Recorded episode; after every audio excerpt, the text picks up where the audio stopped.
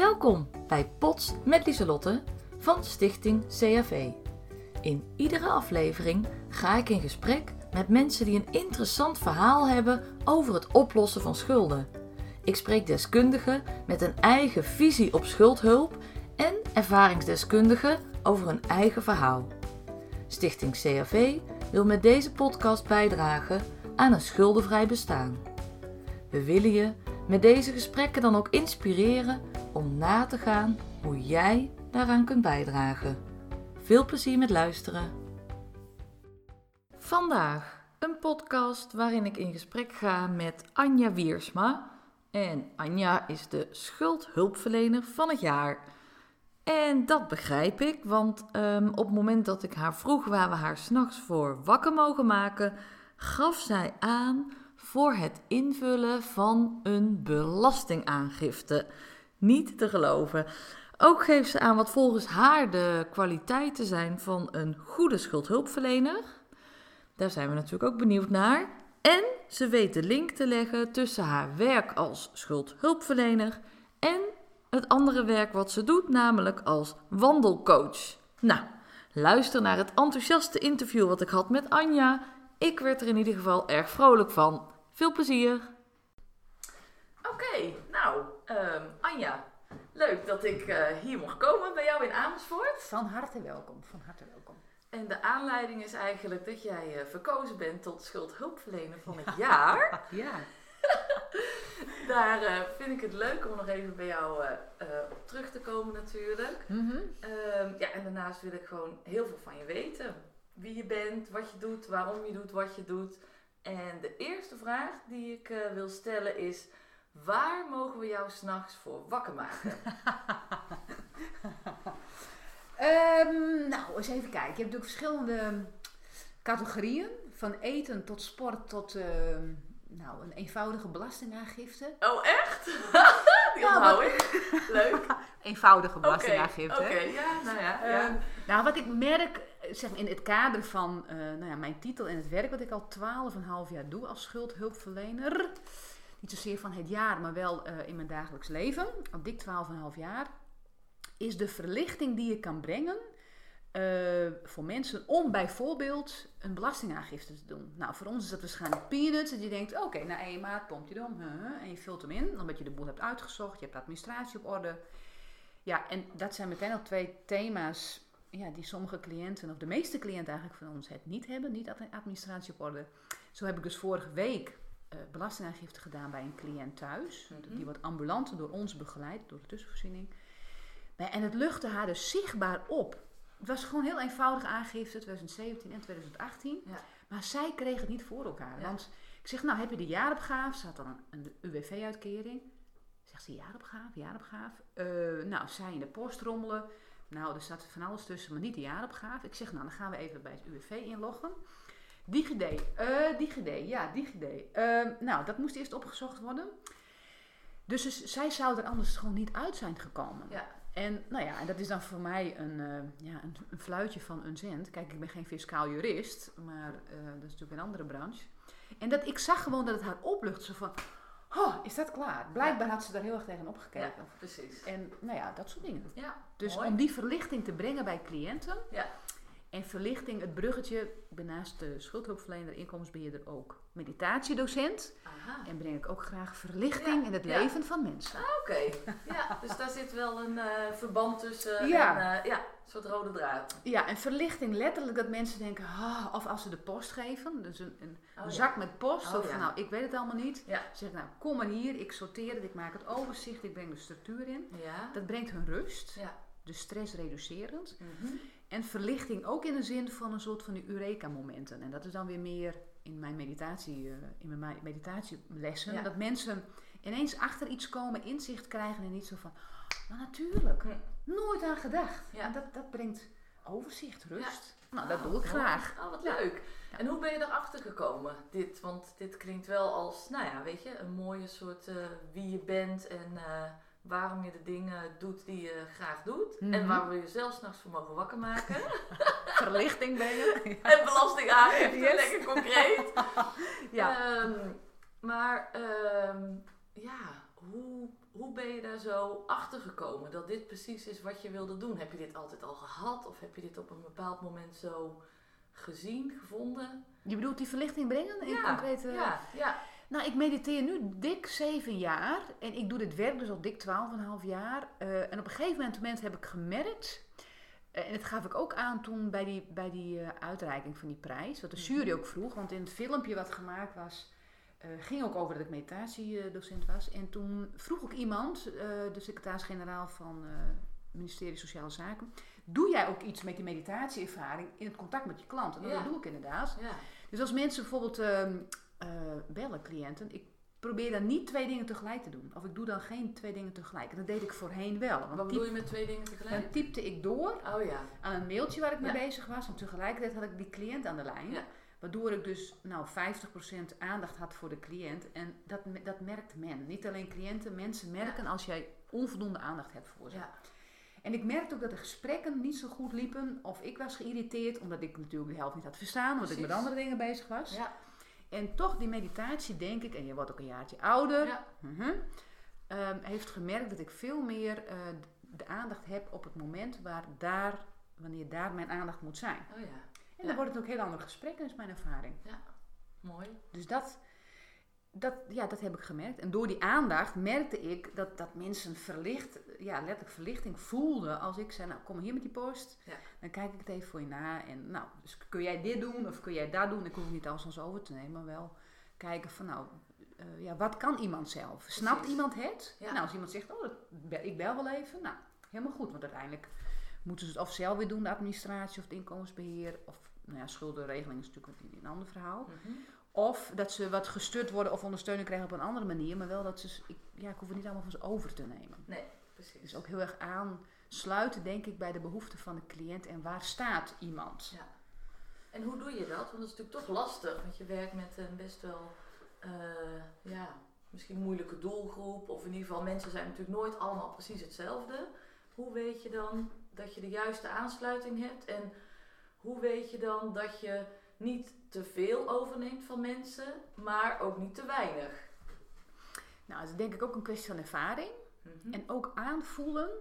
Eh, bijvoorbeeld gisteren mailde een cliënt mij ehm, een brief. En daar had ik op gereageerd richting een schuldeiser. En die, die schuldeiser mailde terug van nou, eh, kijk even naar de brief. Daar het in, eh, de inlogcodes in. Eh, log daar even in en stuur een berichtje. Ja. Dus toen dacht ik, nou, cliënt kennen, die, die kan dat zelf wel. Maar staat de brief niet meer en dit niet, dat niet. Ik denk, nee, dit is mij te makkelijk. Dus ik heb de brief toch naar haar toegestuurd. Ik zeg, kijk, hier staat het. Probeer het zelf maar. En kom je er echt niet uit, dan wil ik het best samen met je kijken. Maar ehm, ja, dus heel erg aansluiten. Wat kan een cliënt? Ja. En ik heb ook iemand die kan moeilijk lezen en schrijven. En voordat ze bij ons in inkomensbeheer komen, eh moeten ze een machtiging tekenen. Zodat we daarmee informatie kunnen opvragen, maar ook een rekening kunnen openen bij de, bij de bank. Nou, tegenwoordig hoeft dat niet meer. Maar los daarvan, dan moeten ze hun naam schrijven. En vaak kun je dan al zien Ja. ehm, wat een beetje hun lees- en schrijfvaardigheid Ja, is. Ja. De manier waarop ze hun naam schrijven. Of eh, de taal die zij gebruiken. Dus dan herhaal ik, of ik, of ik herhaal, of ik zeg van nou, eh, nu ben ik het even kwijt. Kun je even herhalen wat ik net zei? Of wat, wat hadden we nu afgesproken? Dus daarmee ja, toets ik of iemand mij inderdaad echt heeft begrepen. Ja. En iemand die, en dus iemand kwam dus binnen en die de naam schreef, schreef hij moeilijk. En toen zei hij, nou de post ook, nou dat, dat rook allemaal naar, naar rook en weet ik het allemaal. En dat was zomaar van drie jaar oud al. Hij zegt, ja ik krijg blauwe enveloppen, het is de belastingdienst, maar wat ze van me willen, ik snap niet wat ze schrijven. Ja. Oké, nou dat heb ik even met hem meegekeken. Ja, en hij, ja, hij, sna- hij snapte het niet. Zorgtoeslag of, of ja, dat zijn gewoon moeilijke begrippen. Dus dan, dus ik, op die manier probeer ik aan te voelen wat iemand, eh, Ja. ja. wat iemand zelf wel kan. Of Ja. waar hij ondersteuning bij nodig heeft. En zoals gisteren. En, en ik moet niet te snel. Dat is wel eens mijn, mijn valkuil. Ik denk, oh, dat regel ik wel even. Dus gisteren kwam er ook een meneer bij mij. Maar die was, de manier waarop hij al sprak, dacht ik, oké, ik kan wat meer achteroverleunen. Want ik wilde al invullen zijn, zijn hulpvraag, terwijl hij had hem iets heel anders. Oké. Dus ik kwam we gaan Ja. het ges- ges- gesprek ook wel achter. Ik, zo, Ja. Ik zei, nou, waar ligt u nu uw behoefte? Want vaak heb ik het over behoeftes van mensen. Want iedereen heeft een behoefte. Hm. Daar, daar zit ook weer een verlangen onder. Ja. Nou, daar zoek ik naar. En als iemand even moet spuien, dan gaan we eerst even spuien. Want anders zit er geen ruimte in het hoofd. Dus dan komt er ook geen informatie bij. Ja. Nou, en, die, en dus hij wist niet zo goed hoe hij met bepaalde schuldeisers om moest gaan. Ik zeg, nou, dat, dat kan ik dan voor u eh, overnemen. En Ja. andere zaken, hij zegt, nou, dat, dat, dat weet ik wel, dan bel ik wel even. En, nou, hoe hij dat uitlegde, dacht ik, oh ja, daar hoef ik ook helemaal niks aan te doen. Dat kan Nee, deze meneer prima zelf. Ja. En anders weet hij mij te vinden. Ja. Want je werkt bij Stichting Tussenvoorziening. Ja. En kan je dan vertellen wat je doet aan werkzaamheden voor de stichting? Want je hebt het over inkomensbeheer, maar je doet Ja. ook schuldhulpverlening. Ja, ja. Klopt. En dan werk ik bij het onderdeel van de Stichting Tussenvoorziening Stadsgeldbeheer. We hebben Ja. drie clusters, wonen, opvang en stadsgeldbeheer. En daar doen wij inkomensbeheer en schuldhulpverlening doen wij in één. Oké.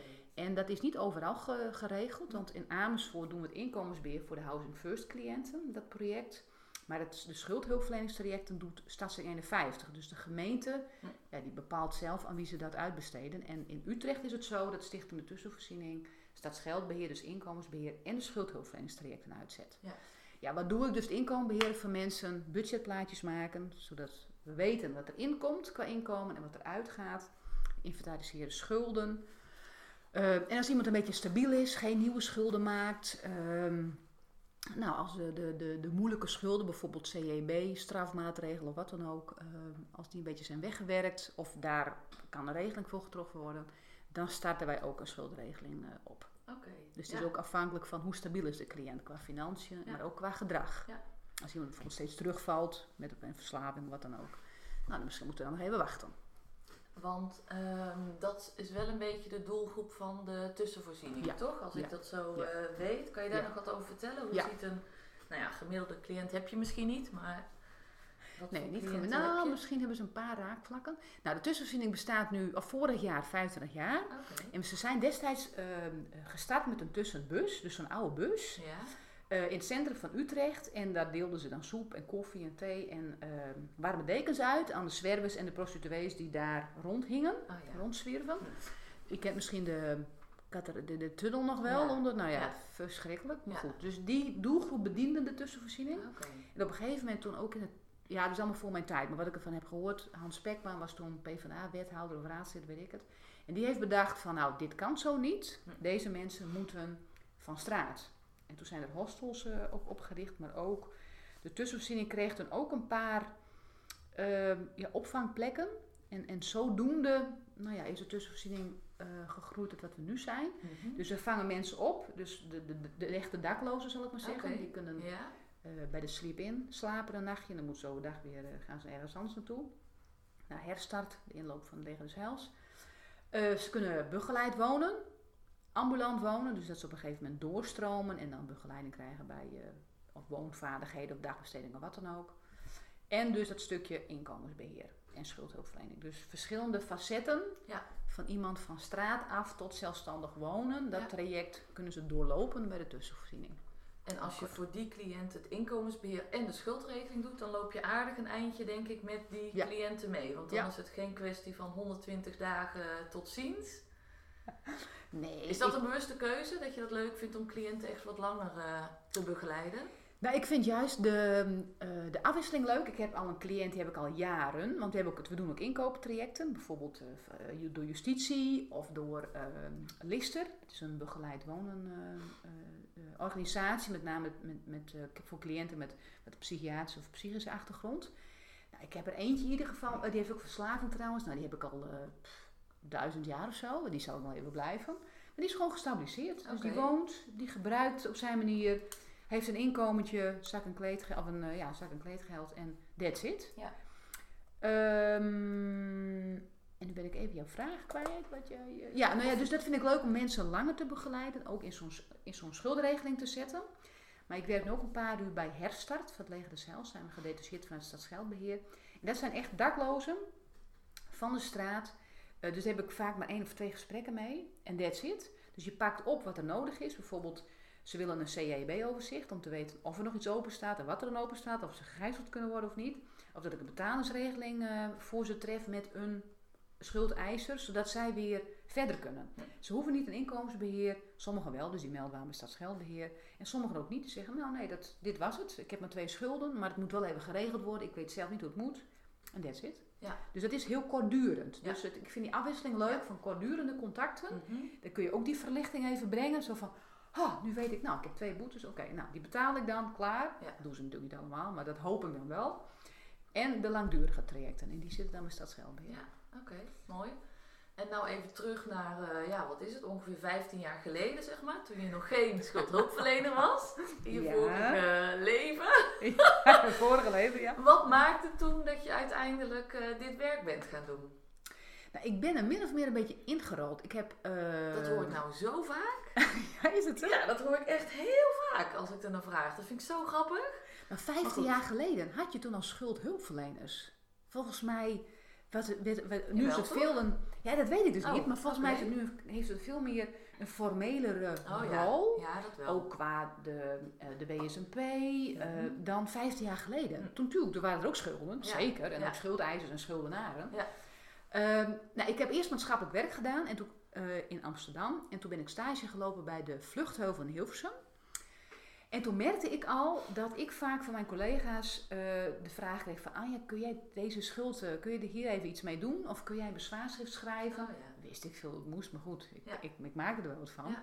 Dus de, zeg maar de, dat was zo'n kerntaak 2 volgens mij, de materiële hulpverlening. Ik weet god of het nu nog op bestaat. Dat kreeg ik vaak toegeschoven. En dat vond ik leuk. Lekker concreet, een beetje onderhandelen, een beetje, dus dat vond ik leuk. Nou, toen heb ik ehm naar stage gelopen, toen kon ik daar blijven werken. En toen had ik nog één jaar over voor mijn studiefinanciering. Dat is natuurlijk nu ook weer veranderd. Toen dacht ik, ja, wil ik tot mijn dood maatschappelijk werken blijven? Ik denk, nou nee. Ik denk, weet je wat, ik ga rechten doen. Dus toen ben ik rechten gaan doen in Amsterdam. Nou, dat heeft op zich niet, zozeer met schulden te maken, maar wel met wet en regelgeving. Ja. En eh, dus ik heb gewoon Nederlands recht gedaan, gewoon eh, algemene vorm. Eh, wel vreemdelingenrecht dan nog bij, jeugdrecht. Maar goed, daar doe ik helemaal niks mee trouwens. Maar zo is het eigenlijk gekomen dat het heel concreet werd, die twee. En toen ben ik via nog negen maanden... Nee, toen heb ik ook nog op een juridische afdeling gewerkt. Van een organisatie die er nu niet meer bestaat. Eh, maar dat was veel met dossiers. Oh, ja. Nou, maar die afdeling, de mensen met wie ik werkte, was echt dikke pret. Hartstikke leuk, heel veel geleerd. Eh, maar ik denk, ik, wil, ik moet met mensen in de weer. Ik moet een beetje gekkigheid hebben, een beetje... Ja. Ik moet prikkels krijgen. Nou, die kreeg ik daar wat te weinig. Niet van mijn collega's, daar kreeg ik ze voldoende, maar niet van de dossiers. Eh, en toen ben ik, ja, toen zag ik deze vacature staan. Toen denk ik, hé, hey, dit, is, dit vind ik leuk. Leuk. Nou, toen heb ik eh, op gesolliciteerd bij dus toen ben ik daar zo terecht gekomen. En wat vind je het aller, aller, allerleukste onderdeel van je werk? Eén dingetje. Contact met klanten. Oké, ja. En in welke fase of welk moment? Of, eh, Om ze te leren kennen. Dus echt het, het, het nieuwe. eh, ja, je, je bouwt toch een relatie op. Dus dat vind ik leuk. Zo van, oké, waar, waar staat iemand? Waar zit iemand? Waar, waar wil je naartoe? Hm. Eh, wil je inderdaad van je schulden af? Of heb je nog andere dingen? Of, nou, dat vind ik interessant om te ontdekken. Oké, leuk. En wat is dan de eerste vraag die je bijvoorbeeld stelt? Als er een nieuw iemand komt, je schudt elkaar de hand en dan... Nou, eerst je koffie dan? of thee. Nou, kun je het een beetje vinden.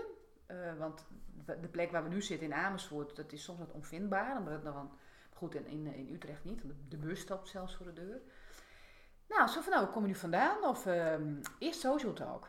En dan, ehm, en dan merk ik snel genoeg of iemand dat wel of niet wil. Sommigen willen gewoon richting de schulden. Nou, prima, dan gaan we die kant op. En als, als ik merk dat er nog wat anders is of zo, of zo van ja, ik zit hier nu wel, maar. Nou, dan ga ik daar eerst aandacht aan besteden. Maar goed, op een gegeven moment moet wel die machtiging getekend worden en moeten we ook van start. Dus eerst wat social talk om eens te kijken wat voor vlees heb ik in de kuip. En ehm, kijk, als ik iemand een paar jaar. Of, en op een gegeven moment ken je iemand wat langer. Ehm, en dan, dan weet je ook of als iemand bijvoorbeeld eh, wat anders als anders reageert, dat ik denk, hé, hey, hier is iets aan de hand, dit gaat niet helemaal lekker. En dan kun je ook wel iets tegen elkaar zeggen. Van god, gisteren mailde ook een cliënt van mij.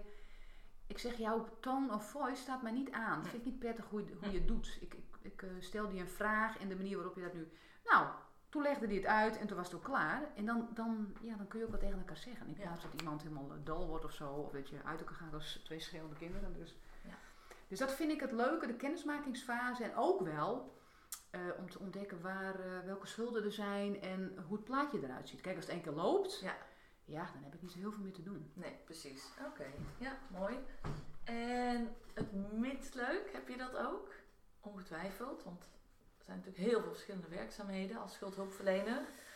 Nou, ik ben niet zo'n blauw iemand. Ik ben nogal rood. Dus als ik dan de jaarberekening moet maken, pff, met de percentages wat iedereen kan krijgen, en, eh, dan moeten alle goede bedragen, eh, nou ja... In, in- Nadat er een jaar gespaard is, zeg Ja, maar zo. precies, En ja. dan ga je uitrekenen wat we kunnen nu verdelen onder de schuld. Precies, als iemand inderdaad eh.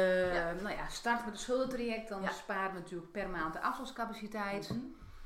Nou, dan heeft iemand eh, ook nog eens wat gewerkt tussendoor, dus gewoon niet stabiel. Nou ja, Ja. dan ben je daar leuk aan het uitrekenen. En inderdaad, na jaren dan maak je die optelling en dan de verdeelsleutel, et cetera. Ja, ik ben niet zo van de Excel-sheets en de, en de, en de nauwkeurigheid drie, drie achter de komma of zo. Nee. Terwijl ik, ik, tuurlijk, ik, ik doe mijn werk gewoon conform wet en regelgeving hoor, voor even goede orde. maar ik ga liever, ik denk dat ik beter, beter ben met eh, het omgaan met cliënten. En te kijken van wat, wat we kunnen doen. Ja. En ook creatieve oplossingen te bedenken. Dan dat ik heel erg sterk ben in het nauwkeurig uitvoeren van, de, eh, nou ja, van die schuldenregeling. Ja.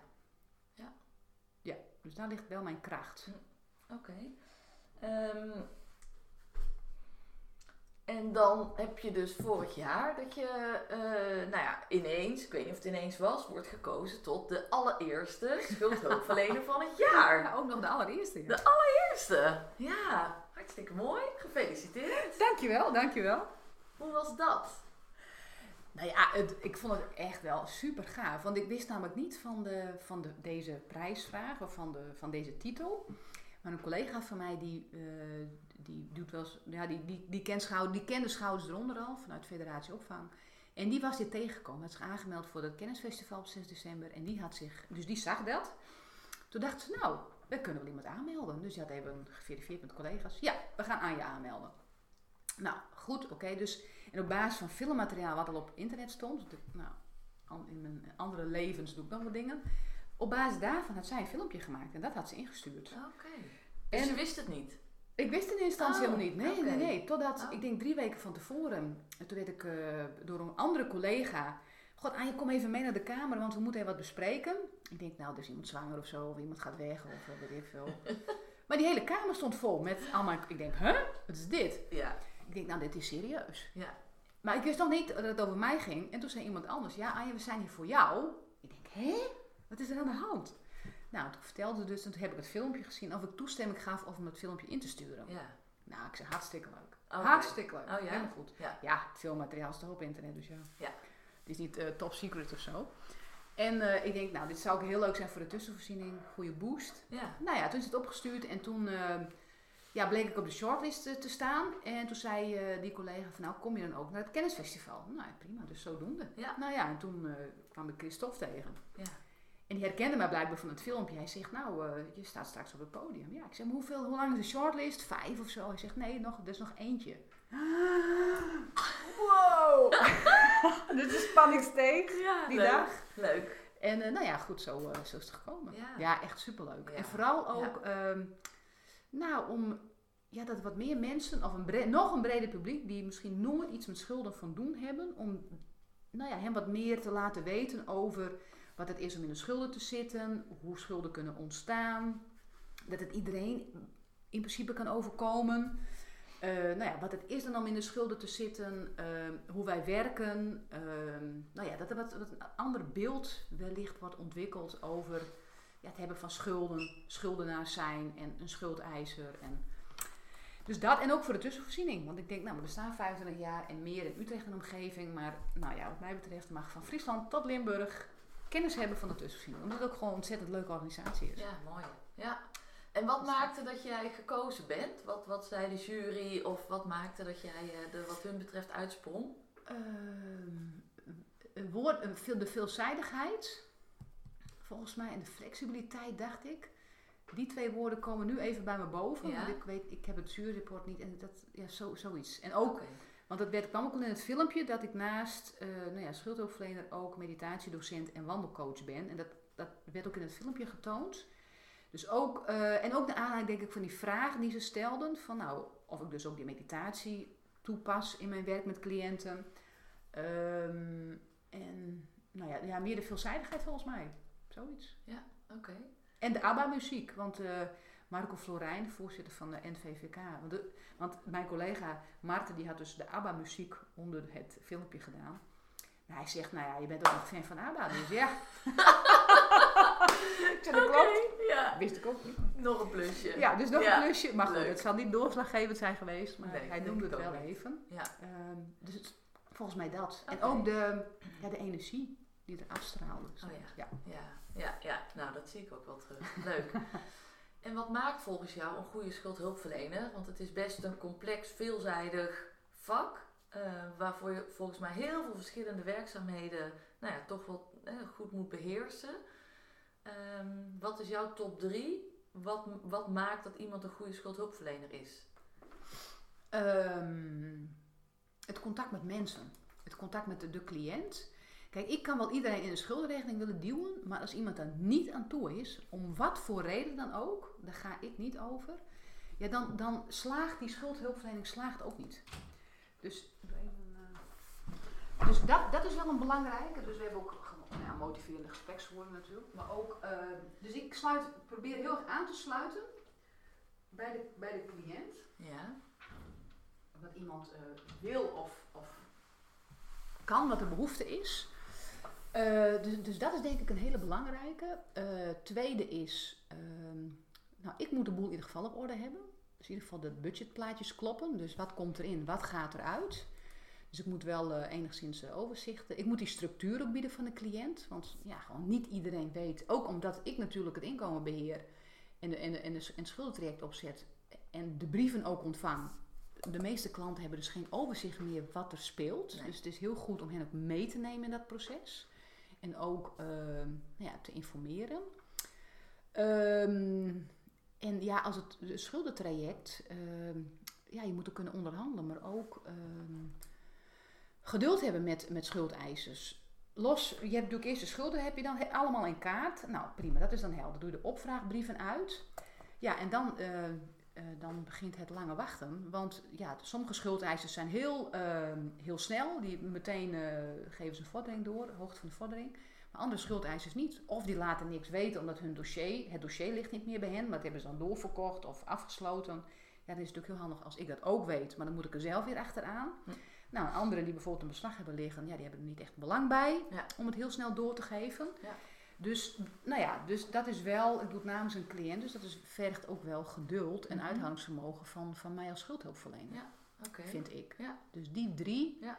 gewoon ja, de boel toch goed bijhouden, overzicht bieden, structuur, omgaan met cliënten en grote geduld, hoofdletter G, met eh, de schuldeisers. En hoe zie je dat dan om je heen bij collega's binnen of buiten je eigen organisatie? Want als ik dan zo die rapporten lees van de ombudsman, eh, nou ja, dan valt er nog aardig wat te verbeteren aan de Mhm. kwaliteit van de schuldhulpverlening. Eh, heb je daar bepaalde gedachten over? Hoe zie jij dat de schuldhulpverlening zeg maar landelijk op poten staat, goed of beter kan? Wat is jouw eh, idee daarbij? Ehm, ja, dat kun je ook weer vanuit verschillende invalshoeken, denk ik, bekijken. Ehm, ja, ik denk als je als schuldhulpverlener de match of de link mist met eh, de cliënt, dus dat zou een aspect kunnen zijn. Als je hele, heel formeel taalgebruik bezigt en eh, eerst moet een cliënt bijvoorbeeld zeven pagina's invullen voordat er een schuldregeling gestart kan worden, Ja. ja, dan ben je de meeste van onze doelgroep kwijt. Ja. Dus daar mist dan al iets in.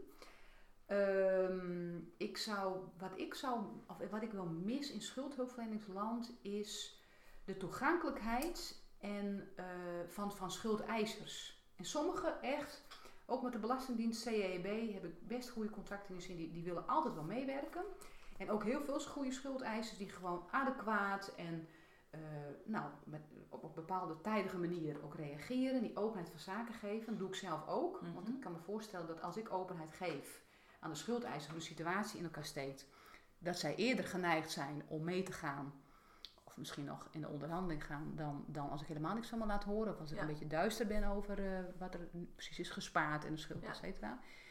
Maar ik merk ook wel dat dan sommige dossiers worden doorverkocht. Ehm, dan moet je een, een inlogcodes moet je hebben voordat er iets geregeld kan worden met de schuldeiser. Je kunt ze niet bellen, je kunt ze niet mailen, je kunt alleen maar eh, via internet inloggen.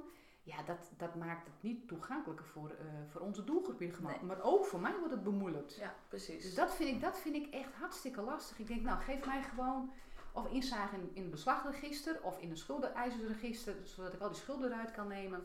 de hoogte van de vordering, dan weet ik wat ik moet hebben en dan kan ik die schuldregeling Ja. opzetten. Maar Ja. dat kost de meeste tijd, niet eens zozeer de cliënt nog, of Mhm. maar het inventeren, inventariseren van de hoogte van de schulden en vervolgens een reactie op het betalingsvoorstel. Ja, oké. En ik kan me ook voorstellen bij de hoogte van de vordering dat ook nog het compleet krijgen van het hele totaalplaatje nog wel een hele puzzel is. Eh, zeker Ja. misschien bij cliënten hè, die verslaafd zijn of Ja. Nou ja, eh, op verschillende eh, adressen hebben gewoond. Ja. Hoe weet je dan dat je voldoende nou ja, het, het, het geheel in beeld hebt om ook echt te gaan saneren of een schuldregeling op te starten? Nou, wat we in ieder geval doen is altijd de belastingaangiftes van de afgelopen vijf jaar. Daar kunt u ook al iets uithalen. CEB-opvraag doen, BKR, Preventel. Nou, dan heb je eigenlijk al een groot slag te pakken. En daarnaast alle post van cliënten zelf. Dus we lopen ook wel na van, oké, je hebt iets gekocht bij de, bij de weekkamp. Eh, nou, vaak onze doelgroep, wat ik wel mee, ook bij de daklozen, zeg maar waar ik dan werk. eh, veel eh, CEB, ook omdat ze dakloos zijn en buiten, eh, nou ja, niet altijd zich aan regels houden. Maar ook ehm, ziektekostenverzekering. Bijna allemaal zit ze een bestuursrechtelijke boete. Dus dat is iets. Dan heb je natuurlijk het CAK, want dat- daar betalen ze ook niet aan. Bestuurs- Dus daar zit vaak een schuldenpost. Goed, dat weet je dan. Ehm, ja, dus we lopen gewoon na. Eh, heb je een- of motorrijtuigenbelasting? Ehm, als ze auto's hebben natuurlijk. Dus je loopt gewoon wel het rijtje na. Plus, ik verzamel alle post. Ja. En ook dus de post van drie jaar geleden, waar, waar nog niet weer een reminder op is gekomen. Ik schrijf daar gewoon iedereen aan, dan hoor ik het er zelf wel. Ja. Ja, precies. Dus op die manier. En dat kost soms wel even tijd. En sommigen die, nou ja, die brengen heel netjes de post, ook al hebben ze geen idee wat erin staat. Maar dan heb ik wel vrij snel het plaatje compleet. Ja, ja. Oké. Ja, mooi. Ehm, dan het vak hè, als schuldhulpverlener. Je had het net al over van nou, wat je misschien een beetje mist bij schuldeisers en wat belangrijk is bij collega's schuldhulpverleners. Ehm, als je dus een kijkje neemt in de toekomst, hè, je hebt het over nou, 15 jaar geleden was het natuurlijk heel anders dan nu. Ehm, wat zou jouw idee zijn, of wat denk je te signaleren in de komende, nou ja, laten we zeggen 10 jaar? Hoe zou schuldhulpverlening er dan uit kunnen zien, wat je, naar jouw idee? Nou, hoe zouden we ervoor kunnen zorgen dat mensen minder snel aan de schulden komen? Ehm, en ja, dan heb je het over preventie en vroeg signalering. Nou, dat soort zaken allemaal hele belangrijke. Ehm, maar misschien ook wat een, een, een gevarieerdere... Kijk, bijvoorbeeld een, een, een, een cliënt van mij, die is vorig jaar bij ons uitgestroomd. En die meldde zich in december alweer aan, want er waren alweer nieuwe schulden ontstaan. Nou, ik ben heel blij dat deze cliënt vrij snel zich heeft aangemeld Ja. weer. En eh, nou, ik ben nu een beetje aan het puinruimen, maar dat, nou, dat lijkt de goede kant wel op te gaan. En het is iemand die heel, weet je, we hebben continu contact, dus helemaal goed. Dus we lossen het samen op. Nou, die, eh, straks over een paar maanden is dat klaar. Nou, dan gaat ze het misschien zelf weer doen. En dan denk ik, ho, wacht even. Misschien hoeft inkomensbeheer dan niet zozeer. Maar wat is dan voor haar eh, helpend? En natuurlijk moet ik ook met haar daar in gesprek over gaan. Wat is voor haar eh, passend, waardoor zij niet meer zo in de schulden kan komen? Of dat er weer betalingsachterstanden ontstaan. Ja. Dus, dus ik denk ook maatwerk. Wat is er nodig voor iemand? Is er misschien iemand die ook helemaal niet onder bewind hoeft? Ook niet zozeer een inkomensbeheer. Maar wel eh, behoefte heeft eh, dat er iemand met, met hem meekijkt. Eén keer per maand of één keer per of twee keer per maand. Om te kijken van nou, is alle post geopend? Oké, wat komt er aan? Maar ook de verleiding. Koop nu, betaal later. En ik denk ook wel de emotionele, en misschien klinkt het een beetje vaag, maar ik geloof er wel in. De emotionele leegte van mensen. Om er toch maar bij te horen in de maatschappij. Dat ze nu het gevoel hebben van, nou ja, ik doe niet helemaal mee, want ik werk niet, ik heb een uitkering. Wat voor uitkering dan ook. Eh, en die kopen dan toch maar, want dan hebben ze in ieder geval die grote tv of bepaalde merkkleding, want dan horen ze er in ieder geval bij. Dus, dus, dus die emotionele leegte, ja, hoe kun je dat oplossen? Ja, iedereen eh, een gezonde hechting meegeven. Maar goed, ik snap dat ook utopisch praat. Maar daar zit volgens mij ook iets. Ja. En hoe zou je die mensen, als ze ervoor openstaan, en dat gebeurt ook niet altijd, zeker niet, hoe zou je die beter kunnen begeleiden? Ja. Dus eigenlijk veel meer dan alleen maar financieel en financieel Ja. preventie. En, Ja. eh, Ja, dat is Ook gewoon echt- symptoombestrijding. Ja. ja. Dus veel eerder, ja, natuurlijk op school, maar ook, eh, kijk, als we bij de af, op school kun je prima kinderen leren met zakgeld om te gaan, maar als hun eigen ouders het niet doen, en daar staan regelmatig deurwaarders voor de deur, ja, dan krijgen ze het ook niet echt meege- meegenomen. Nee. Of mee, eh, ze krijgen ze ook niet echt mee. Nee. Dus hoe zou je dan, en ouders en op scholen, nou ja, hoe zou je kinderen bewust maken van, van geld? Tientje is een tientje, dus geen 11 euro. En betaal nu, of koop nu, betaal later. Ja, daarmee kun je heel erg mensen verleiden. Ja. Ja, mooi. Als dat wat meer eh, nog breder, zeg maar, zo aangeboden Ja. zou kunnen worden voor mensen. En dat het eenvoudiger wordt. Want mijn cliënten zeggen ook wel van nou bel jij maar of stuur jij maar een mail. Want dan, dan, eh, dan kan ik in ieder geval iets regelen. En niet als ik het alleen doe. Terwijl ik denk ja, iemand moet ook alleen een betalingsregeling kunnen treffen. Ja. Als iemand zegt ja, nou gisteren dus een cliënt die is, heeft een dakloze uitkering van alleenstaande. Terwijl hij een, een gezin moet onderhouden. Maar zijn vrouw heeft nog geen verblijfsvergunning. Krijgt dus geen inkomen. Ja, dus ik heb nu met, met twee grote schuldeisers nou ja, dit aangegeven. Ehm, ik denk, ja, en eigenlijk zou hij dat zelf ook moeten. Niet omdat het niet kan, maar omdat hij zegt, ja, naar mij luisteren ze niet. Nee. En dat, ja, dat, daar zou ik ook wel van af willen. Dat Ja. veel meer ook geluisterd wordt naar Ja. ja, de, de, de, de, de burger zelf. Ja, precies. En dat bedoel je door bijvoorbeeld schuldeisers Ja, of overheidsinstanties. ja, Ja, ja, ja, Ja. ja. Mensen meer serieus nemen. En, Ja. Ja. Hm. Ja. Oké. En ook wel meer uitgaan van dat mensen het niet kunnen in plaats van niet willen. Ja. Natuurlijk zijn er niet willers bij, zeker weten. Maar als ik kijk naar mijn eigen. Want iemand vroeg dat ook eh, laatst nog aan mij. Als ik kijk naar mijn doelgroep, mijn, mijn cliënten, mijn caseload. Ja. Nou, dan zijn het meer niet-kunners. Ik denk 90% dan niet-willers. Ja. Ik heb maar één keer iemand gehad. En daar werd ik ook wel een beetje geïrriteerd door. Die zei, nou ja, van de koude kip valt niet te plukken. Dus ja, ik kan helaas niet aflossen. Jammer dan. En toen dacht ik, ja, dit vind ik ook te makkelijk. Je hebt zelf ook behoorlijk wat schuldig gemaakt. Ja, precies. Bewust of onbewust. Maar daar mag jij ook wel iets aan afbetalen. Mhm. En misschien niet alles, maar wel, je mag ook wel een beetje inzet tonen. Dus, Precies. Ehm, maar als ik dus echt kijk naar mijn caseload nu, nou zijn 90% echt niet kunners. Ja. Ik denk wel dat er een soort kentering gaande is. Dat dat veel meer bij schuldeisers, bij overheden ook nu Ja. wordt onderkend. Ja. Dan zoals we het net hadden, hè, 10 of Klopt. 15 jaar terug. Zie je aan het CEB, Ja, die precies. zegt, nou, ja. die middelijk, of die, die, die emmetjes, die mulders kunnen gewoon mee in de middelijk. Ja. Belastingdienst vind ik uitermate coulant. Ja. Tenminste, natuurlijk, na drie keer je betalingsregeling niet nakomen. Nou, bijvoorbeeld ook bij eh, ziektekostenverzekering. Iemand die zich ook niet hield aan betalingsregeling. Nou, nu twee keer had ik toch, ja, volgens mij een goed verhaal waarom het niet lukte. Nou, toch zit ze weer in de, in de betalingsregeling. Dus ik, ik merk echt wel aan, aan behoorlijk wat instanties dat die prima mee willen denken en mee Ja. willen werken. Ja, mooi. Gelukkig wel. Ja, daardoor. Ja, ja, gebeurt er ook iets. Zet je mensen ook in beweging, zet je ook het proces van je schuldhulpverlening in beweging. Anders komen mensen nergens. nee, precies. Dat is ook zo. Dan is het ook uitzichtloos. En, eh, ja. Zijn jullie lid eigenlijk van de MVVK als tussenvoorziening? Bijna, bijna. Oh. We hebben een audit gehad. Oh, oké. Eh, ik weet niet precies, eh, in december of zo, of januari. Aha. Dus ja, ik verwacht eh, gebak binnenkort. Ja, als wij ik. echt eh, lid zijn geworden. Ja. Maar ik, ik weet het niet. Ik heb nog niet het groene vlaggetje op de witte rook eh, voorbij Nee. zien komen. En wat is de reden dat jullie lid willen worden van de MVVK? Nou, dat vroeg laatst de NVVK ook. Ehm, nou, in ieder geval, wij zijn heel lang niet lid geweest, omdat wij toch een nou ja, kwetsbare en wel een bijzondere doelgroep vertegenwoordigen, bedienen, die zich niet altijd kon houden aan de regels van de NVVK. Zoals?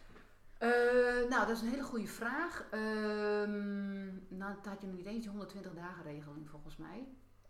Maar soms, ehm, als iemand bijvoorbeeld nieuwe schulden maakt. Nou, nu zeg ik iets misschien dat helemaal niet waar. Maar als iemand nieuwe schulden maakt. eh, dat wij toch wel creatief bedenken, met, Ja. of met, inmiddels met een fonds. Ja. Of eh, nou, hoe kunnen we dit even voorschieten zodat dit toch kan betaald worden. Bijvoorbeeld de CEB moet ik noem maar even niet. Ja. Maar dat de schuldenregeling gewoon door kan gaan. Hm. Ehm, en de NVVK was vrij strak. En dat paste niet helemaal bij onze doelgroep. Maar die zijn ook losser geworden. Niet, zo- Ja. niet zozeer, eh, en ook wel binnen alle, alle kaders. Maar Mhm. dat past nu veel meer, het sluit meer aan op onze doelgroep. Oké. En we hebben Ja. natuurlijk ook ons te houden aan bepaalde wet en regelgeving. Mhm. Dus het past meer. Oké. En Ja. ook wel, en eigenlijk eh, om het lid worden, de meeste schuldeisers erkennen ons gewoon als, als soort NVVK-achtige instelling. Ja, Dus ze willen allemaal schuld. Nee, ze willen allemaal wel regelingen met ons doen, dus dat is het punt niet. Mhm. Maar het staat ook wel meer als een keurmerk. Dus dat we ook voldoen aan bepaalde wet en regelgeving en kwaliteitsnormen. Ja. Dus het staat denk ik ook wel goed. Vind Ja. ik ook wel goed om dan lid te zijn van de NVVK. Ja. dus Oké. dat is de reden. Ja. Nou, leuk. Eh, ik hoop dat het gebak binnenkort eh, Het hoop ik ook, heb ik zo wat. komt. En jij, hoe ziet jouw eh, toekomst eruit? Werk jij over tien jaar nog als schuldhulpverlener? Poeh. Nou, dat weet ik niet. Ehm, maar goed, ik vind het werk nog wel te leuk om nu al te zeggen van, eh, nou ja, over tien jaar niet. Misschien wat minder. Dat ik Oh, ook wat ja. meer kan richten op mijn meditatie en mijn wandelcoachpraktijk. Want dat vind ik, daar word ik ook heel erg blij van om mensen in beweging, letterlijk in beweging te zetten. Ehm, dus om dit helemaal niet meer te doen, denk ik, nou, dat is ook wel een heel vreemd idee. Maar misschien minder. En dan eh, meer tijd voor mijn, eh, voor mijn meditatie en wandelcoach. Ja. Ja, oké. Dus je blijft dit graag wel doen. Ja. Maar misschien in een andere eh, nou ja, balans tussen hè, wat je nu meer erbij doet, dat het dan misschien eh, ja. In een andere verhouding eh, wordt. Want gewoon de doelgroep vind ik hartstikke leuk. Ze hebben allemaal een eigen verhaal. Ook de kracht die ze hebben. Iedere keer weer opstaan. Ja. Ja, kom regelmatig. Dan moet ik echt, echt dik grijnzen. Dat vind ik echt sommige dingen super... Ja, gewoon humor. Ook is misschien situaties schrijnend. Maar Mhm. ook hoe mensen er zelf mee omgaan. denk ik, ja, hoe zou ik het zelf doen Ja, in zo'n situatie? Ja. En, dus ik heb wel ja, waardering voor eh, de cliënt. Dus dat Ja. vind ik gewoon heel leuk om met deze doelgroep te werken. Mooi. Dan kan je eens vertellen, een hele leuke cliënt, wat een, een, een nou ja, voorval of gewoon een beschrijving van een van je. Nou, volgens mij heeft iedereen toch wel een paar van zijn favoriete cliënten, of mogen we dat niet zeggen? Pareltjes, ja zeker mag dat. Ja. Poeh. Nou ja, ja, ik heb ook een meneer gehad die, ehm, die was al zwaar gepensioneerd, van mijn 72 of zo. Hij is hem inmiddels heel lang is overleden. Maar ehm daar kwam ik, want hij was zelf niet mobiel, dus ik ben toen naar hem toe gegaan. Hij was zwaar diabetes. Nou, ik kwam er binnen, de hele tafel stond vol met snoepgoed en allemaal lekkers en koekjes. En nou, ik ben gewoon beroerd van Ja. al die snoep. Want hij zegt, ja, ik mag het niet. Ik weet ook niet waarom je het dan kocht. Dus ik zei, nou, dan eet ik het wel op.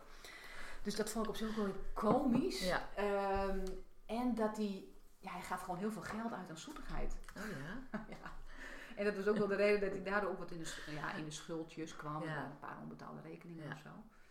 Dus nou, dat vond ik dan, ja, misschien ook wel glimlachen. Ehm, maar eigenlijk heeft iedere cliënt wel iets bijzonders. Hm. Dus, ja, wat is dan...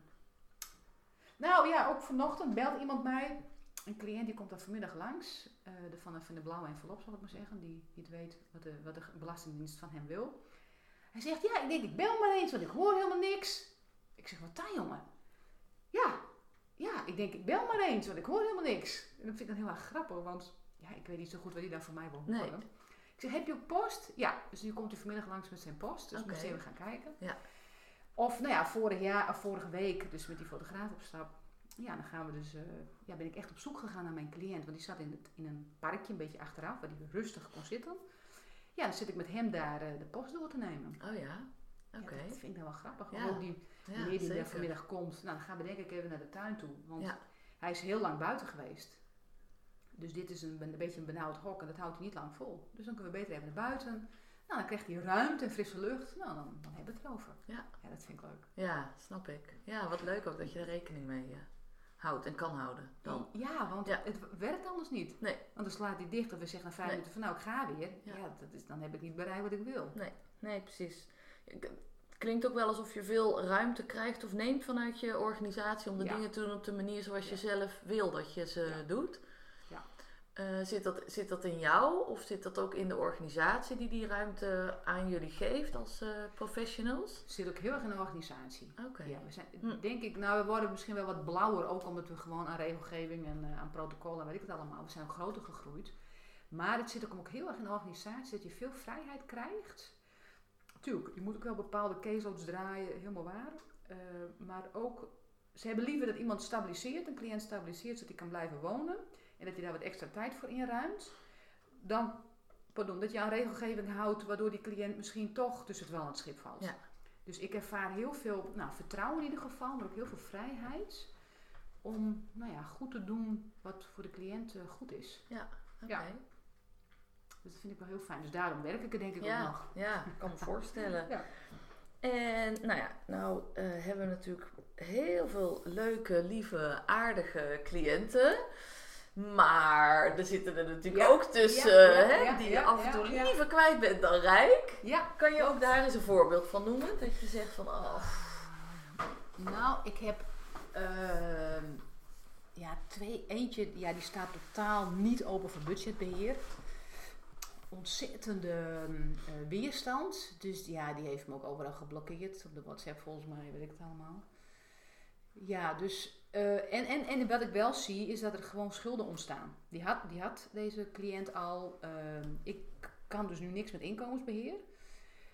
En dat vind ik ook wel lastig, want ik zie ook dat er aan de andere kant heel veel schulden blijven liggen en ook nog meer ontstaan, want er wordt gewoon niks betaald. Ja. Ook omdat eh, degene denkt dat, dat de boel goed op orde is en dat is niet zo. Het inkomen wat dezegene verdient, dat is gewoon te laag. En in plaats van een aanvulling, of dat ik daar iets kan doen in ondersteuning van, nou we gaan een aanvulling vragen, zodat in ieder geval het inkomen op niveau is, zodat we wat betalingsregelingen misschien kunnen doen en op een gegeven moment een schuldentraject. Ja, dat blokkeert dezegene zelf. En dat vind ik wel heel lastig. Ehm, maar goed, ik geloof niet dat, ze, dat, dat, dat dezegene eh, doordrongen is van mijn beste intenties. Want ja, kom aan het geld en dat, dat, dat staat haar niet aan. Maar waarom heb je dan nog wel hem als cliënt? Want eh, hij kan toch ook zeggen van nou weet je, ik stop ermee? Nee, dat kan niet. Oh, ja, dat heeft consequenties omdat dezegene in dit project zit. Ah, ja, en dat ja. betekent ook het huis kwijt. ja precies. En ja. ja, ik, Ja. dat kan ik. En we hebben ook een bepaalde zorgplicht. Mhm. En ik ben daar ook bij wel afhankelijk van mijn leidinggevende. Ja. Dus, maar goed. Dus dat vind ik wel een lastige. Omdat ik niet datgene kan doen wat er gedaan moet worden. Ja. En een andere, ehm, ja, die, die is steeds half psychotisch. Dus dat is heel lastig om daar een gesprek mee te voeren. Of, of je, eh, nou ja, er moeten gewoon een aantal dingen, zaken eh, gebeuren, bijvoorbeeld. Ehm, en dat, dat mislukt steeds, omdat ja, ze is ook wat paranoïde. En eh, ja, belastingaangifte mag niet gedaan worden, want iedereen kan dan meelezen. En, huh. Dus je komt niet zoveel. Nee. Je komt niet verder. En Nee, dat vind ik nee. wel heel lastig. Dus qua persoonlijkheid is een prima aardige dame. Alleen door dat randje psychotisch ja, komen we bijna geen stap verder. En dat, Ja. dat merk ik ook met mijn collega's. Die, want ja, ze vraagt ook heel veel tijd. Ze belt me ook gewoon eh, s s'nachts, eh, eh, in het weekend. En dan krijgt ze de voicemail of zo. Maar ook met vragen van ik denk, geen idee waar dit over gaat. Nou, dat vind ik dan wel lastig. En eh, nou, het zou zo goed zijn als deze wat gestabiliseerd wordt, ook mentaal. Zodat je ook wat stappen kunt nemen. Ja. Want daardoor ja, komen, we, komen we niet, zo, niet zoveel. Zet je dan ook andere hulpverlening nog daarbij in? Ja, er zijn woonbegeleiders zitten daarbij, Oh ook bij ja, ja. First. Die, die zitten met name Precies. op dat stukje. Dus Ja. die komen ook bij dezegene thuis. En die, eh, nou ja, die, die, en die nemen de post mee. Dus waar nodig kan ik wel iets. Maar. Dus dat maakt het wel... ehm, Ja. ja, dus dat. Ja. En bij ja, of hele agressieve, agressieve cliënten. Maar op zich valt wel mee dat ik die heb. Oké, gelukkig. En tuurlijk, ja, en ja, er zullen ongetwijfeld mensen zijn waarvan ik nog niet de agressieve kant heb gezien. Mhm. Maar waarvan ik wel een vermoeden heb. Ik denk als ik op die knop druk, dan bam, Ja. gaat de vlam in de pan. Maar ja, ik, heb ook, ik had op een gegeven moment een hele lange cliënt. Die had een hele zware stem. En eh, nou, die was op een gegeven moment ontzettend kwaad. En liep te schreeuwen. Want toen dacht ik, dit is een paniekangst lijkt het wel. Dus ik zei, jongen, wat is er nu precies aan de hand? En toen zei hij, als ik in dat kamertje moet, dat doet me denken aan de gevangenis. Dan ga ik echt niet in. En dit Ja, dacht ik, ja. ah, wacht eens even. Ja. Oké, nou, ik zei, ik zei, dan gaan we ergens anders zitten. Ja. En toen kalmeerde die. Dus Oké. agressie heeft ook altijd wel, ja, of vaak met angst te maken. Maar er zit vaak wel iets onder. Nou, en dat probeer ik dan wel eh, Ja. nou ja, te achterhalen wat er nu precies aan de hand is. En daardoor heb je ook weer de opening om met iemand verder te komen. Ja, begrijp Maar ik. goed, dat lukt niet Ja. altijd hoor. Neem je je werk ook wel eens mee naar huis? Dat je in je hoofd blijft malen of dat je s'nachts wakker ligt van iets wat je niet, nou ja, niet naar je eigen idee goed hebt gedaan of waarvan je niet weet hoe je ermee om moet gaan? Of... Nee, ik lig er niet s'nachts wakker van. Ik heb natuurlijk wel eens een kaas van ik denk, ja, hmm, hoe ga ik dit oplossen? Zo eh, had ik gisteren kreeg ik een mailtje van een schuldeiser die dan niet akkoord wilde, eh, niet, die deels, deels akkoord wilde gaan. In eerste instantie dacht ik oké, maar ik dacht, nou, ik moet hier nog even op kouwen. En ook even met de cliënt zelf overleggen. En stond vanochtend onder de douche, dacht ik, wacht eens even, zo ga ik het doen. Want Leuk, ik ben het er niet helemaal mee eens. Ja.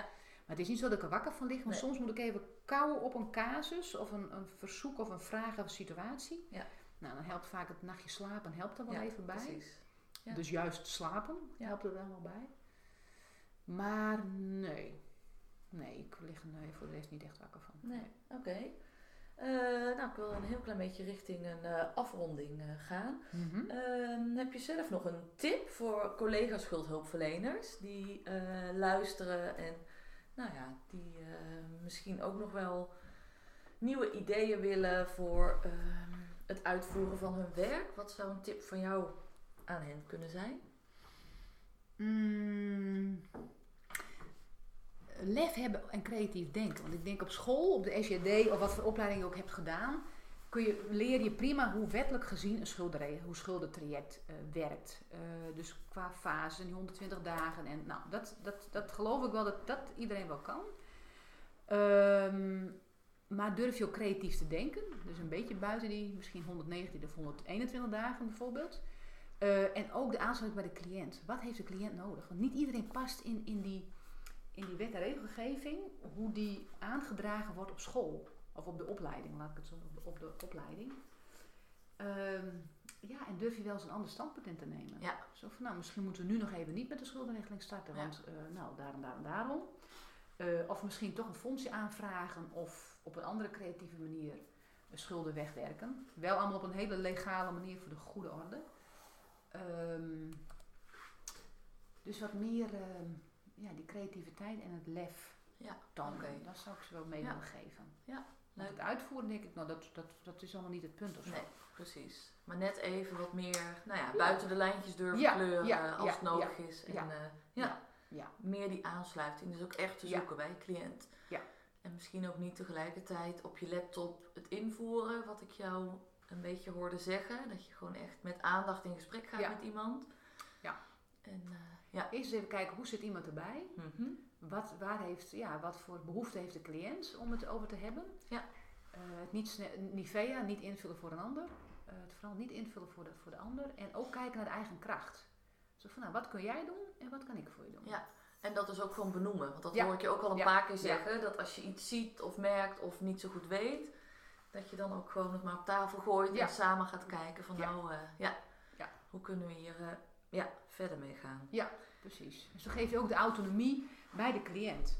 Of, of als iemand mij iets vraagt, dan zeg ik, nou, dit zou mijn voorstel zijn, maar wat vind je zelf? Ja, ja. Zodat het ook de, de, Ja. het besluit of de beslissing is van de cliënt zelf. Ja. En dan, ja, dan is het niet zo vaak een probleem. Ja, onderhandelen Daar hoor ik wel echt de coach, toch?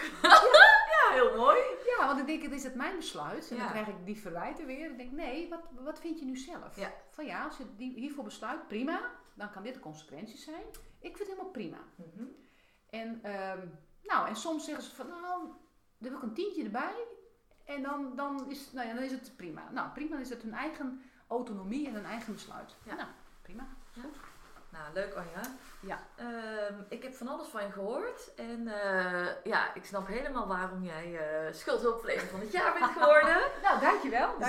Zeker. Ja, hartstikke mooi zoals je kan vertellen met enthousiasme over eh, het mooie werk dat je doet Ja. als schuldhulpverlener bij de tussenvoorziening. En nou, ook mooi om te horen wat je ernaast nog doet en hoe dat ook weer met elkaar Ja. raakvlakken heeft. En ja, ik denk ook wel echt cliënten nog extra ehm, ja, hè, wat, wat ehm, kan helpen bij de verlichting en de stappen die ze moeten zetten. Dat hoop ik wel. Misschien Ja. zal niet iedere, klant, iedere cliënt dat beamen, maar Nee. ik hoop het wel. Maar Ja. goed, daar doe je in ieder geval eh, je best voor elke dag. Yes, ja, ja, Top. ja, zeker. Leuk. Ja, Hartstikke bedankt en eh, fijne dag vandaag. ja dankjewel, dankjewel. Dag. En dat was het eh, beetje rommelige einde met het eh, interview met Anja, want er kwam een collega binnengelopen. Nou, volgens mij was het een hartstikke mooi verhaal en eh, maakte het ook enorm duidelijk waarom zij de allereerste schuldhulpverlener van het jaar is geworden. Vond je het een leuk interview? Laat het me dan vooral weten. Ook als je suggesties hebt om nog eens een keer iemand te interviewen voor een podcast, dan hoor ik dat heel graag. En eh, laat vooral ook een beoordeling of een review achter. Hartstikke bedankt en tot de volgende keer.